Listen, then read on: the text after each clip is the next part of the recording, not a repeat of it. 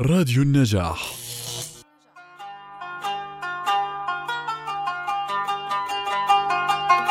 ابن الأصول لو طعميته خبز حاف بيصون وقليل الأصل لو طعميته لحم كتاف بيخون. خلينا نسمع قصة مثلنا لليوم.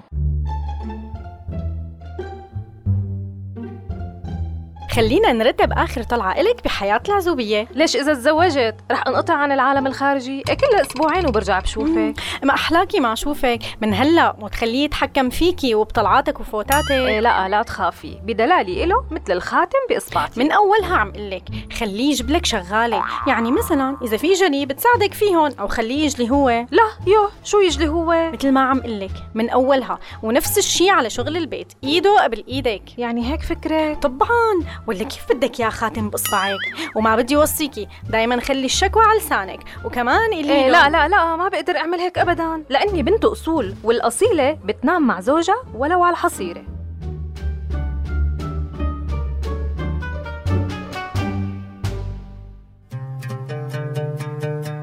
لما يكون الإنسان معدنه أصيل حتى لو تغير الزمان وتبدل المكان بضل معدنه أصيل.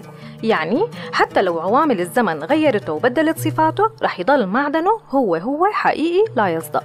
أما المعدن الواهي ممكن يتأثر فيه عوامل الزمان ورح تتبدل معه الأحوال. يعني رح يكون اليوم بحال وبكرة بحال وبالتالي رح تأثر فيه عوامل السفر والترحال. فإذا كان أصيل رح يسكنه التواضع مهما وصلت فيه المناصب.